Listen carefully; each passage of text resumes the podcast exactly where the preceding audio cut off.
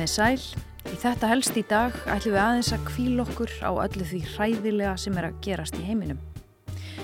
Við ætlum að heimsækja fjölskyldu sem hefur skapað sín eigin töfra heim í litlu og látlausu bárjátshúsi við Fissersund í Reykjavík.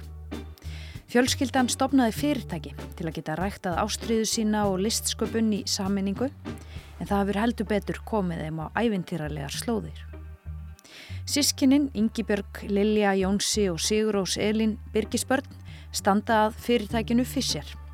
Makar Yngibjörgar og Lilju til Sindri Már Sigfússon og Kjartan Holm hafa svo auðvitað sógast inn í reksturinn.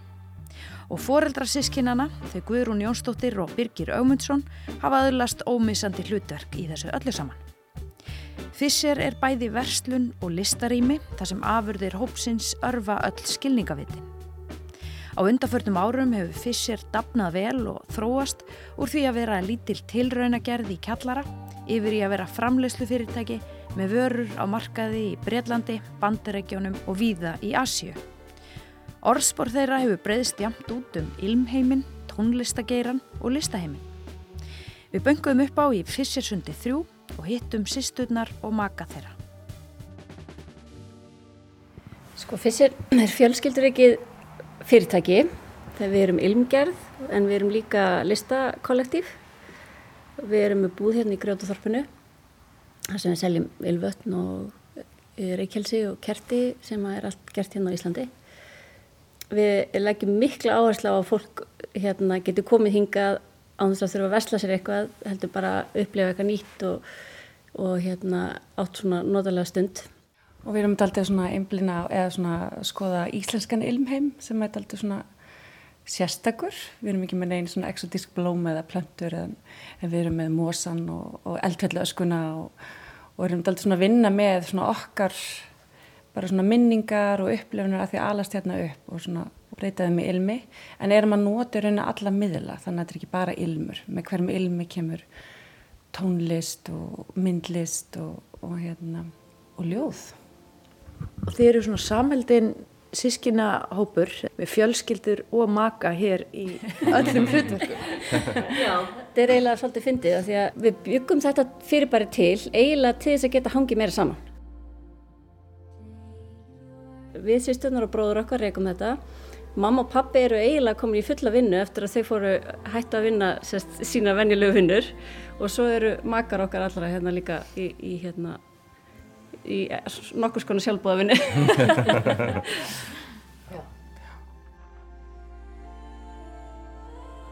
Þannig að hér er hljóðheimur og myndheimur og ilmheimur. Já, það sem er líka svo magna með hérna, þefskinnið þegar fólk pæleikast ekki mikið í því en þetta er elsta skinnferð okkar beintend minningum okkur á tilfinningum þannig getur haft áhrif á, á tilfinningafólks og vakið upp minningar með ilmum þannig að það finnst okkur svo gaman svona, hérna þegar við erum með ilm heima veist, þá er við að búa til heima og er að hjálpa fólki að veist upplega þessa heima í gegnum alla þessa leira, ilm, tónlist, myndlist þannig að já þetta verður að einhvern skonar heimi já. Svo hefur við verið, verið með svona hérna, ekki bara tónleikaldur kannski svona upplifunar kvöld þar sem við erum sérst að spila levandi tónlist og erum með sérst myndlistaverk bak við okkur, svona vídeoverk og erum að hérna setja lykt inn í rýmið og hérna erum með gjörninga sama tíma. Það er kannski, þetta, já, þá, þar kemur þetta einhvern veginn allt saman. Mér finnst það að vera mjög gott svona hvernig það hérna, hvernig það virkar allt saman. Veginn með öll skinnfærin í gangi og þetta hlusta, þetta horfa, þetta fyrir lykt og þetta er rosalega svona umlíkjandi upplifin Inga og Lilja eru svona mest í listinni og Inga er að gera 3D-verkin ég er mest í svona ilm hönnuninni innan gæsapa og er í framlegslu líka. Strákarnir eru náttúrulega í tónlist. Mamma og pappi eru í reykjelseskerð og ímsu þannig að já en svo erum við ymitt rosa góði að hérna svona blanda okkur inn í mála hjá hinnum sko. Þetta er mikið flæði. Já, myndi ég að segja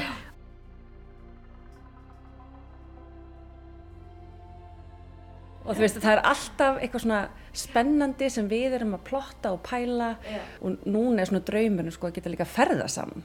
Svo að vera með ilmtónleika út í heimi haldi síningar út í heimi og það fyrir vel saman og erum einhvern veginn náma að blanda saman svona vinnu og, og hangsi. Þannig að það er aldrei það er svona draumurinn. Að Því hafið nú verið svolítið á ferðalögum, kannski líka í kringum Sigurós og, og eitthvað slíkt, er það ekki rétt hjá mér? Já, Já sko við, við gerðum ilm í samstarfi við Sigurós fyrir síðasta túr sem heitir Flótholt og er núna bara partur af okkar línu. Og sá ilmur var í rauninni bara, hann var bara seldur á tónleikonum en var kannski ekki meiri partur af sko túrnum þannig En við sem sagt Fissersund fer á sína eigin túra sko. Þannig að í fyrra sko fór Fissersund á túra það var bara LA og New York og Írland og bara uppselt á stemning sko. Þannig að já, ógeðslega gaman. Já, og erum með svo stóra sýningu núna í november í, í Seattle. Það sem að verður svona sambland af hérna, myndarsýningu og, og tónleikum. Þannig að það er líka eitthvað svona nýtt líka er að myndi vera að ferðast með þetta og ég held, ég held að mínir svona túrdagar væri búnir sko en Við erum bara rétt að byrja erum rétt kallinn að byrja núna sko. Já. Kjartan, hvernig fannst þér að koma inn í þessa samhældu fjölskyldu og svona setja fótinn inn í þetta? tók nú sinn tíma að venjast verið bara að segja svolítið hérna það er ekkert svona prí, private space sem maður er svona vanur það fögur til glukkan en, en uh, eftir þetta vandist þá þóttum við þetta bara ansið skemmtilegt sko Nei, nei, þetta er geggjað, mér ætlaði eins og það er að segja, þú veist, það eina sem ég talaði um er bara fissir, en af einhverjum ástæðum er það ennþá spennandi og skemmtilegt. Ég tegni inn heldur maður alltaf á tánum bara, líka, sko. En við heyrum svona í ferðartöskunum hérna fyrir utan, við erum umkringt svona hótelum og túrismannum. Eh, hvernig hefur hann áhrif á þennan rekstur? Við elskum ferðamenn. Já, þeir, sko, þrátt fyrir að þetta, þetta hús hérna í Grötaþorpinu sé mjög falið, að þá finna, finna ferðamenn okkur og koma hérna og eru mjög hrifin og það er skemmtilegt líka eins og Lilja var að tala um hann íslenska ilmheim sem er allt öðruvísi heldur en maður upplifir úti. Fólk tengir við það frá öllum heimsvornum.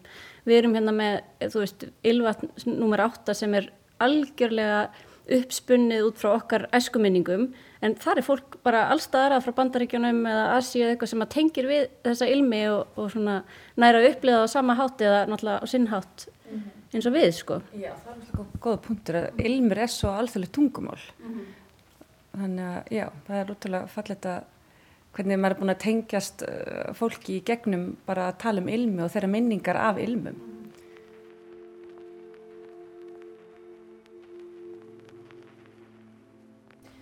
Hvað getur þú sagt mér, Rósa, að sé í ykkar æskum minninga koktel?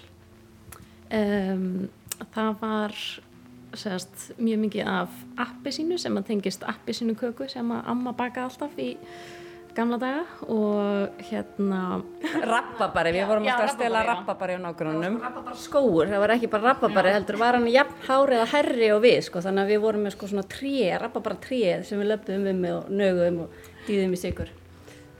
Maður lifði náttúrulega á frelsi tengdist hjólunum hans, maður alltaf hjóldum allt og þið minni þegar keðjan dætt af hjólunum maður sett hann upp aftur þá var maður svona, svona klístrar á fingrunum af, af svona sætu smurolíunni það sem var þannig. Og svo var líka hérna, reykjulundaskóur í Mósusbæ og gegnum hann og setti fæturnar út og trrr, þú veist, hann að slóst í greinarnar. já, þannig að greni og greini sítrus og einmitt bara svona rosa fest en sumalegur ilmur eða svona, svona vor í sveit svolítið. Þul í lofti. Já. Og hvernig fanga maður þessar minningar í vögvaformi? Já, maður sérst byrjaði því að bara pröfa sig áfram með því að blanda ólýr saman sem að, hérna, sem að ég kaupi meðal annars frá skófræðingi sem er að eima sérst, íslenskar jurtir eða aðalega sérst, viðartegundir þannig að ég fæ ólíu frá henni og svo líka ólíur á utan. Uh, já og svo er þetta bara rosa mikið svona smá sletta en trial and error og láta einmitt fjölskyldumæðli með þefa og svona og sjá hvort að þetta tryggi einhverja min- minningar hjá þeim sko. En þetta hefst allt bara á samtali milli okkar, þar sem við erum bara eitthvað að rifja upp minningarnar okkar og skrifa það blað og þú veist, og svo e- eftir, eftir svona eitthvað samtal veist, þá koma í ljós einhver svona element sem eru litið sterk. Og þá fyrir við með þau element einhvern veginn á, á hérna, ilm sem er innblásin af bakverðum Reykjavíkur af því að við byggum á tímabili öll á sama blettinum í mm. miðbar Reykjavíkur í svona gömlu bárjátshúsi þar sem að var mjög svona yfir sig úr sér vaksingarður og það var einmitt bara nákvæmlega þetta, þá bara settist við niður, við vissum að við vildum gera ilm sem var bara innblásun af þessum aðstæðum. Og þá bara hérna og þá settist við bara niður, bara, bara skrifum niður allt sem að okkur fannst einnkenna þennan ilmheim og skrifum niður þar oljur og svo bara fór rosa blanda og pröfa og Já, þefa og henda og byrja búin ít og Svo náttúrulega, þú veist, er maður komið með ansið gott sapn af mismöndi ilmóljum og það er svona, ég er alveg komið freka gott minni þannig að ef að þær segja til dæmis, já, nýslegi græs þá get ég komið, já, þessi lyktar mjög mikið eins og nýslegi græs, þannig að mm -hmm. þetta er alveg pínu skemmtlegt ferlið, sko Þetta er sérstakur hæfileiki að hafa, sko, að það, þetta er alveg Rósa, er, hún, er, hún er komið með svona database í hausin á sér af einhverju mjög svona absúrt, svona bara, já, mér vantar rík, svona rík sem er búið að hérna, bara settlast niður í mörg ár bara, og svo, já, býtu, býtu, ég er með hérna eina. Og þetta er alveg fríka og það eru oft skrítni lutir í ilmi sem að vekur upp minningar. Getur þú nefn með dæmi um já, ég man til dæmis eftir að, að í einni af ykkar lyktum er held ég kvalur, rótnandi kvalur getur þú gefið mér fleiri eh, dæmi um svona skrítna luti sem að þurfa að vera í svona koktel?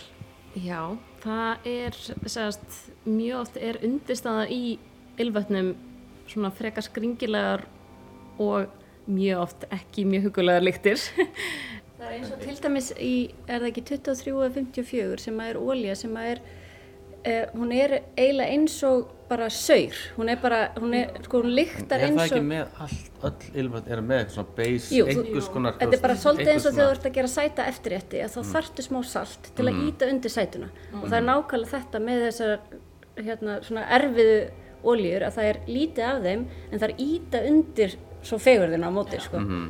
Nú ert með henni, það er eiginlega alltaf uh, líka mjög erfið svona reykjalikt í öllum ylvatum. Já, Já sem er alveg ótrúlega erfið einu á sér en e, þegar hún er komin í eitthvað annað þá einhvern veginn, einmitt, ífur hún allt upp og gera það eitthvað svona ekstra, ekstra gott. Þetta er búið að vera mjög svona organískur vöxtur.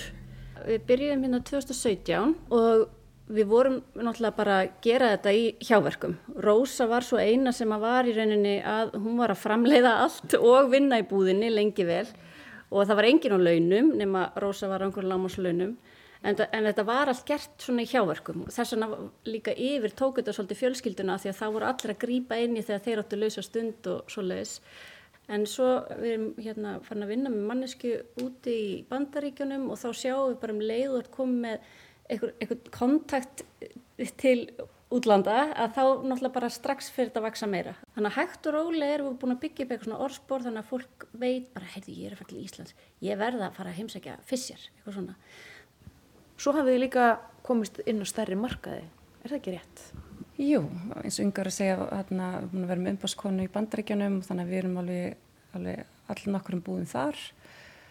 Og það gengur rosalega vel þannig að við erum mjög spenntur í því. Og náttúrulega mjög hendur þetta Jónsi býr í LA en, hérna, en já, svo erum við líka í Dover Street Market í Fraklandi og eitthvað svona í Portugal og eitthvað svona Asíu Japan og Tævan og eitthvað svolítið þannig að þetta er svona hægt og rólega að breyðast út um allan heim bara. Já. þannig að þetta er mikil skriffinska og, og hérna, mikil regluverk í kringum það að flytja út ylvönd hérðan og þetta er vesti staður held ég á jarðkringlunni til þess að vera framlega vörur og senda út. En hér eru við. Og þetta hefur ykkur tekist að gera til dæmis á þess að taka lán Já, já. Í upphafi var þetta náttúrulega mikið af kvöldum, þú veist, og, og eftir vinnu sem að fór í þetta, en, en, hérna, en svo er náttúrulega líka blessinu svo að við erum með húsnæði sem við þurfum ekki að borga leigu af, heldur bara rekstur á því, þannig að það, eins og það bjargaði okkur í COVID. Þannig að þið eru svo litið öfur í þróun við það sem maður heyrir úr verslunarrekstri Reykjavíkur, það sem að verslunarreksturi sjálfur er að lognast út af og kannski færast bara á netið að þá verist þetta bara að vera blómstræði okkur.